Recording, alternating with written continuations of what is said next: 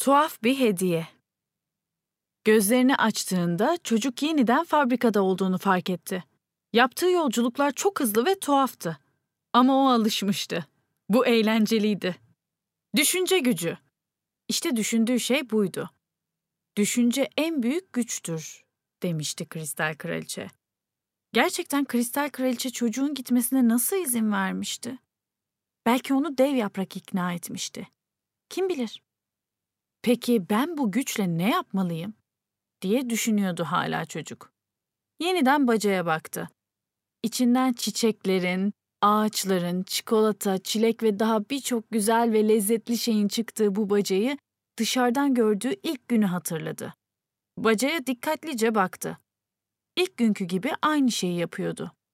Bacadan yukarı doğru yükselen peluş ayıcıkları, sakız makinelerini, boyama kitaplarını ve daha bir sürü başka şeyi yine görebiliyordu.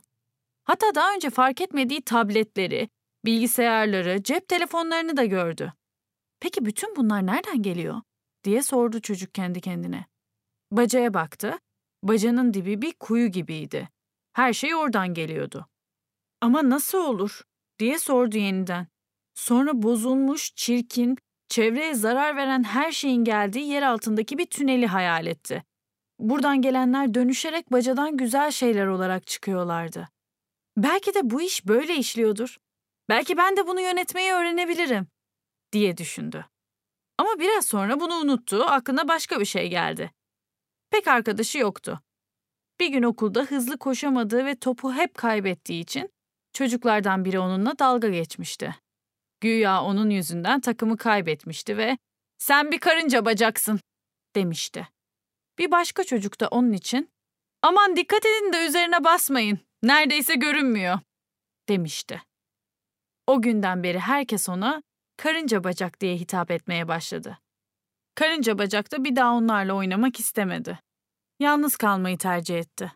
Bu düşünceler aklına üşüştüğünde içinde biriken gözyaşları dışarı çıkmak istedi. Çocuk ağlamaya başladı. Önce yavaşça, kendini sıkarak, sonra güçlü ve yoğun bir şekilde. Öyle ki sonunda yoruldu ve hayallerle düşünceler içinde yeniden uyuyakaldı. Rüyasında yine kristal kraliçeyi gördü. Onunla konuşuyordu. Hala anlamadın mı? Dev yaprağın sana ne dediğini hatırlıyor musun? Dünya yorgun ve artık bu şekilde yaşayamaz. İnsanoğlu bütün doğayı öldürüyor. Sen onun nasıl kurtarılacağını, çevreyi düşünmeden ürettiği her şeyi nasıl değiştirebileceğini, geri kazandırılabileceğini insanlara öğreteceksin. Bu işe de senin gibi olan çocuklardan başlayacaksın. Sen elektronik atıkların nasıl geri kazandırılabileceğini öğreterek bir eğitime dönüştürücü kahraman olacaksın. Birden uyandı. Bir kahraman olabilirdi. Üstelik de eğitime dönüştürücü kahraman. Bunun için de bir okula ihtiyaç vardı. Evet, eğer bunu başarabilirse müthiş bir iş başarmış olacaktı. Ama nasıl? Bu bir rüya değil. Bu artık bir rüya değil, kalk çocuk. Bu, evet bu dev yaprağın sesiydi. Nerelerdeydin dev yaprak? Senden sonra bir sürü şey oldu. Biliyorum. Daha önce gelemediğim için de özür diliyorum. Ama sen ve ben biz arkadaşız ve arkadaşlar daima birbirlerinin iyiliğini düşünürler. Biz gerçekten arkadaşız, değil mi? Tabii ki. Senin gibi bir arkadaşım olduğu için de çok mutluyum. Gördüğüm en güzel karıncasın sen. Lütfen benimle dalga geçme. Seninle dalga geçmiyorum. Her canlı önemli ve biriciktir. Bunu unutma. Herkes bu basit kuralı bilse ve birbirine saygı gösterse, bugün yaşadığımız sorunların hepsi ortadan kalkardı. Bu ne demek oluyor şimdi? Etrafımızdaki her şeyin, insanların, hayvanların, bitkilerin bir değeri var ve bunların hepsi birbiriyle ilişkilidir. Bu yüzdendir ki birimiz iyi olmazsa diğerleri de iyi olmaz. Anlıyorum. Yani ben kendimi iyi hissetmediğimde sen de arkadaşım olarak kendini iyi hissetmiyorsun. Bunu mu demek istiyorsun? Evet. Genel olarak da dünyayı düşünecek olursak, dünyanın bir tarafındaki insanlar acı çekiyorsa, diğer tarafındakiler de aynı acıyı çekiyordur. İşte bu yüzden herkese bu gerçeği hatırlatmak için çok çalışmalıyız. Dev yaprak ben söylediğin her şeyi yaparım. Sen bana düşünce gücünü hediye ettin.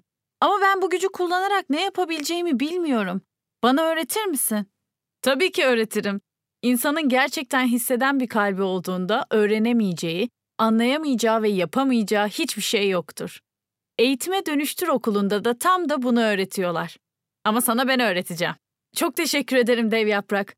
Ben de tam bunu sormak istiyordum sana. Şey, e, şu okul var ya, Eğitime Dönüştür okulu. Ben onun eğitim kahramanı olmak istiyorum. Bana onu kurmam için yardım eder misin? Tabii ki. Ama önce senin görevini daha iyi açıklamak istiyorum. Karşılaştığımız ilk günü hatırlıyor musun?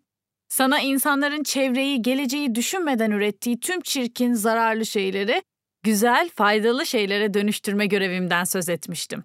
Sen bana bu görevin niye kendilerinin yapmadığını sormuştun. Bu düşüncende çok da haklıydın. Evet, her birimiz yaptıklarımızdan sorumluyuz. İşte bu yüzden sana düşünce gücünü hediye ettim. Çünkü bu gücü sadece insanların iyiliği için kullanacağına beni inandırdın. Yurttaşlarımla bu konuyu görüştüm. Onlar da benimle aynı fikirde. Dünyayı ancak ve ancak eğitim almış çocukların kurtaracağına inanıyorlar. Sen de bu önemli görevi yerine getirmek için seçildin. Kurulacak çok sayıda eğitime dönüştür okuluyla bunu başaracaksın. Korkuyorum dev yaprak. Bana verilen bu görevi yerine getirebilecek miyim acaba? Korkmana gerek yok. Görevin çok basit. Sadece kalbinle dinlemeyi ve duymayı öğrenmelisin. Ayrıca sıkıntıya düştüğün anda ben hemen yanında olacağım. Peki, daha önce bu görevi sen niye yapmadın? Niye bekledin? Çünkü daha önce de söylediğim gibi, dünyayı sadece ve sadece eğitim almış çocuklar kurtarabilir. İnsanlar ise sadece çocukların dilini anlayabilir. Benimkini değil. Dönüşümü çocuklar öğrenirse onlar büyüdüklerinde eğitime dönüştürücü kahramanların sayısı artacaktır. O zaman gidelim dev yaprak. Eğitime dönüştür okulunu kuralım. Bana öğreteceğin her şeyi bütün çocuklarla paylaşmak istiyorum.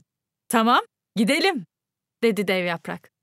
Bu konuşmadan sonra kendilerini denizin dibini andıran bir yerde buldular. Dev yapraklar ülkesine hoş geldin, diye gülümsedi dev yaprak. Evrenin kalbinde. Karınca bacağın ağzı açık kalmıştı. Burası kristaller ülkesinden de ilginç bir yerdi. Sokakların, evlerin, oyun parklarının hatta insanların bile yapraklardan oluştuğu bir yeraltı ülkesiydi. Bir tekneye binelim, sana etrafı gezdireceğim, dedi dev yaprak. Yol boyunca karşılaştıkları yaprak adamlar çok sevimliydi. Hepsi çocuğa gülümsüyordu. Bindikleri yaprak tekne bir fotoğrafta gördüğüne çok benziyordu. Fakat orasının hangi ülke olduğunu tam hatırlayamıyordu. Dev yaprak, bizim teknelerimize benzer tekneleri olan ülke İtalya ve bu teknelerin en çok bulunduğu şehir ise derken çocuk hemen atıldı. Venedik. Evet, şimdi hatırladım. Bu su şehrini ben çok seviyorum. Ne güzel Venedik gibi senin ülkenin de her tarafı su. Tekne bir anda inanılmaz bir hızla giden bir yaprak motora dönüştü. Sonra çok uzun bir tünelden geçtiler. Tünelin sonunda etrafta birçok farklı tekne gördüler. Hepsi çok uzun ve büyük bir kanalda bulunuyordu. Aferin çocuk, buranın ismi Büyük Kanal. Şu anda tam olarak 45 derece, 26 dakika, 12 saniye kuzey enlemiyle 12 derece, 19 dakika, 59 saniye doğu boylamı kesişiminde yer alıyoruz. Peki niye buradayız? diye sordu çocuk. Çünkü burayı görmeyi çok istediğini anladım ve sana bir sürpriz yapmak istedim. Ne güzel. Başkalarının düşüncelerini okumak belki de o kadar kötü bir şey değil. Teşekkür ederim dev yaprak, dedi karınca bacak. Bir şey değil.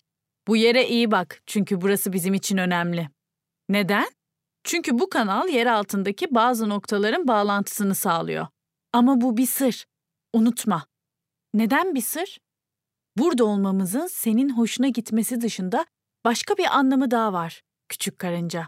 Sana insanların arasındaki bütün yol bağlantılarını göstermek istiyorum. Böylece yalnız kaldığında bütün yolları bileceksin. Ama şimdi biraz işten söz edelim. İşten mi? diye şaşırdı çocuk. Evet, dünyayı kurtarmamız gerektiğini hatırla.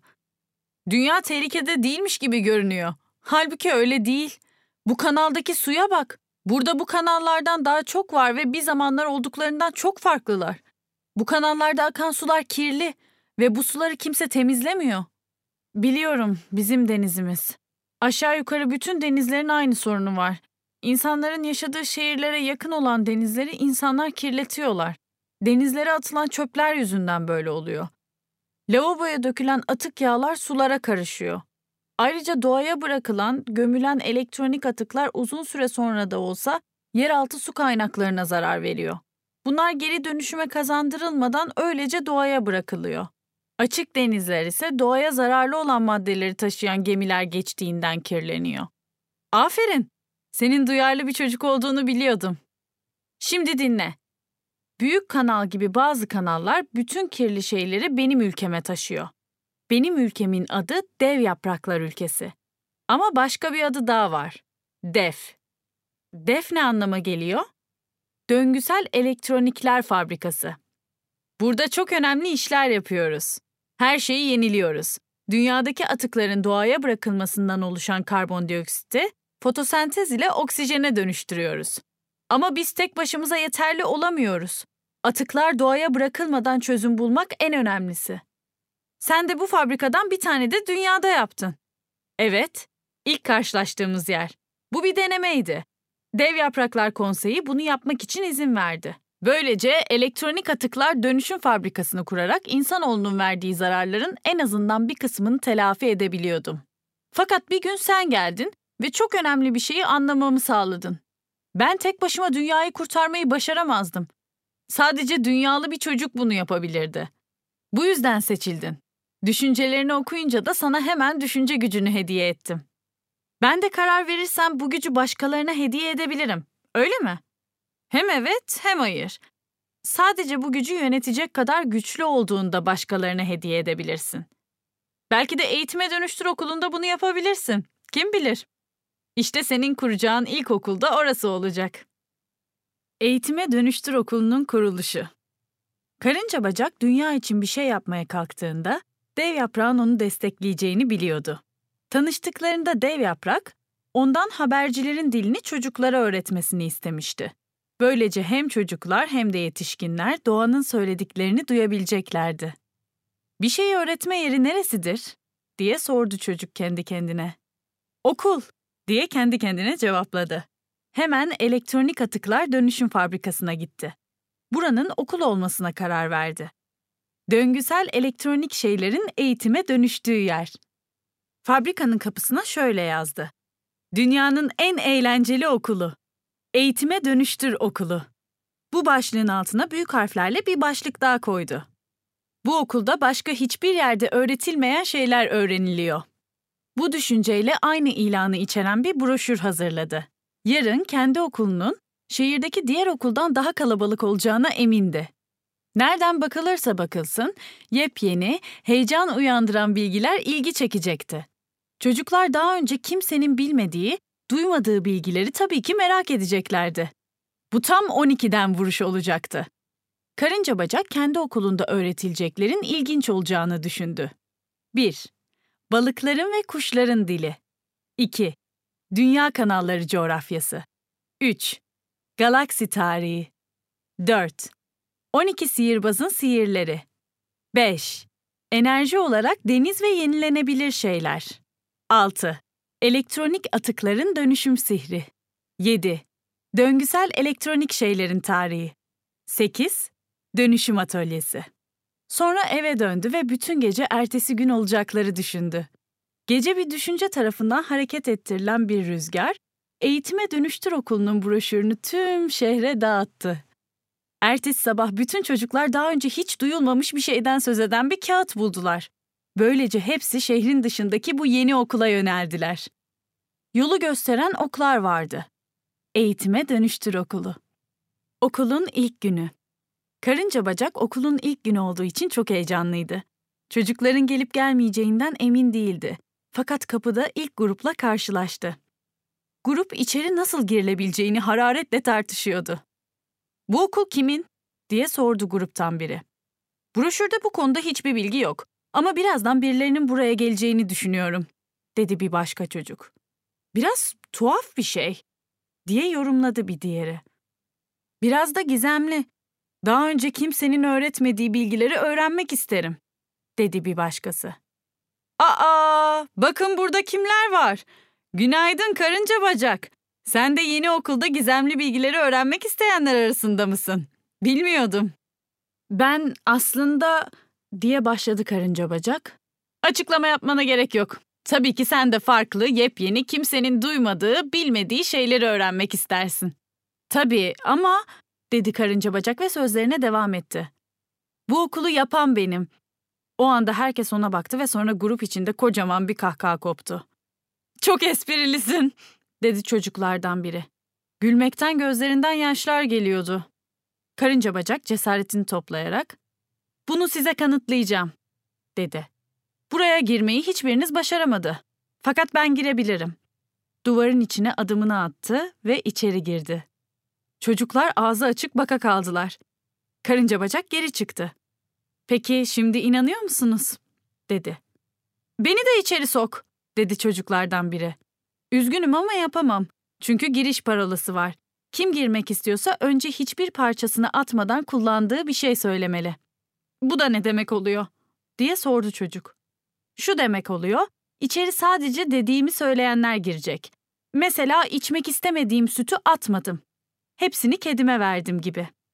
Benim kedim yok ama en sevdiğim limonatanın plastik şişelerini biriktirip atık noktalarına götürüyorum. O halde doğaya zarar vermiyorsun demektir ve bu nedenle içeri girebilirsin.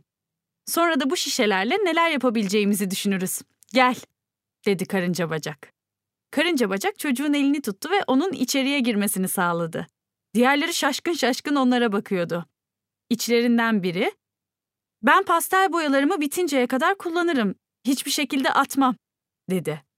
Diğeri, ben banyo musluğunu asla açık bırakmam, dedi. Bir diğeri, ben bozulan tabletimi geri dönüşüm merkezine götürdüm. Ben de bozulan telefonumu aldığım yere götürdüm. Çünkü oraya geri verdiğim bozuk telefonum başka çocuklar için eğitim bursuna dönüşüyormuş. Ve böyle böyle çocukların her biri doğa için iyilik yaptığı bir güzelliği düşündü. Geri dönüşüme kazandırdıklarını anlattılar. Hatta içlerinden biri elektronik atıklardan nasıl rüya kapanı hazırladığını anlattı. Bu inanılmazdı. Evdeki biriktirdiği elektronik atıkları bir dönüşüm atölyesine götürmüştü ve orada onlardan bir rüya kapanı hazırlamıştı. Karınca bacak tek tek onların düşüncelerini değerlendiriyordu ve yalan söyleyenleri içeri almıyordu. Okulun içine birçok çocuk girmişti. Hepsi merak içindeydi. Okula ilk giren çocuk kristal küreyi keşfetmişti. "Dokunma ona!" dedi karınca bacak ama çocuk çoktan dokunmuştu bile. Ama bu kez hiçbir el çocuğu içeri çekmemişti. Aniden bütün küre aydınlandı ve kristaller kraliçesinin sesi duyuldu. Kim dünyanın kanallarında yolculuk yapmak ister? Bütün çocuklar hep bir ağızdan ben, ben, ben diye bağırıştılar. Bunun üzerine küreden hızla ilerleyen bir yaprak tekne göründü. Çocuklar teknenin geçtiği yerleri tanıyordu. Aa bakın Topkapı Sarayı bu. Burası da Boğaz, dedi içlerinden biri. Bu gördüğümüz de Akdeniz ile Atlas Okyanusu'nu birleştiren, Avrupa ile Afrika kıtalarını ayıran boğaz. Bu boğazın adı Neydi? Neydi? Cebel Tarık, dedi bir başkası.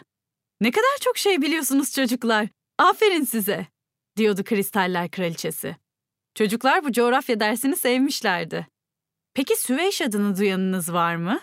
O bir kanal, dedi bir çocuk. Güzel. Akdeniz'i Kızıldeniz'e bağlayan kanal. Peki kanallar ne işe yarar? diye sordu Kristaller Kraliçesi. Çok basit, suyun akışını sağlar dedi bir çocuk.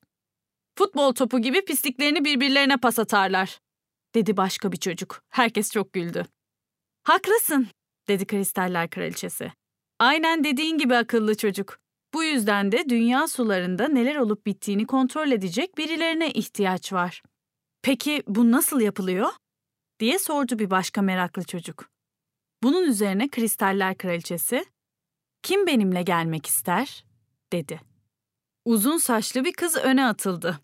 Gel peri kız, sana küçük bir gezinti yaptıracağım, dedi Kristaller Kraliçesi ve kızın elinden tuttu. Böylece kız kürenin içine girdi. Diğerleri de onu kristal kürenin içinden görebiliyordu. Kristaller Kraliçesi ve kız sularda yüzüyordu. Biraz sonra çok tuhaf bir şey fark ettiler. Her ikisi de deniz kızına dönüşmüş ve bacakları yok olmuştu. Onun yerine kuyrukları vardı ve ikisi de balıklar gibi yüzebiliyordu. Birlikte dans eden bir büyük ve bir küçük balık gibiydiler. Biraz sonra küçük deniz kızı eski haliyle küreden dışarı çıktı. Diğer çocuklar ona fal taşı gibi kocaman açılmış gözleriyle bakıyordu. Balıkları daha iyi anlayabilmek için biraz değişime uğradık. Hepsi bu. Bazen başkalarını daha iyi anlayabilmek için kendimizi onların yerine koymamız gerekli. Siz dışarıdan neler gördünüz? Derinizin rengini sık sık değiştirdiğinizi gördüm. Bunun sebebi ne? Diye sordu bir çocuk. Çok iyi bir gözlem, dedi Kristaller Kraliçesi ve sorunun cevabını kim tahmin etmek ister? diye sordu.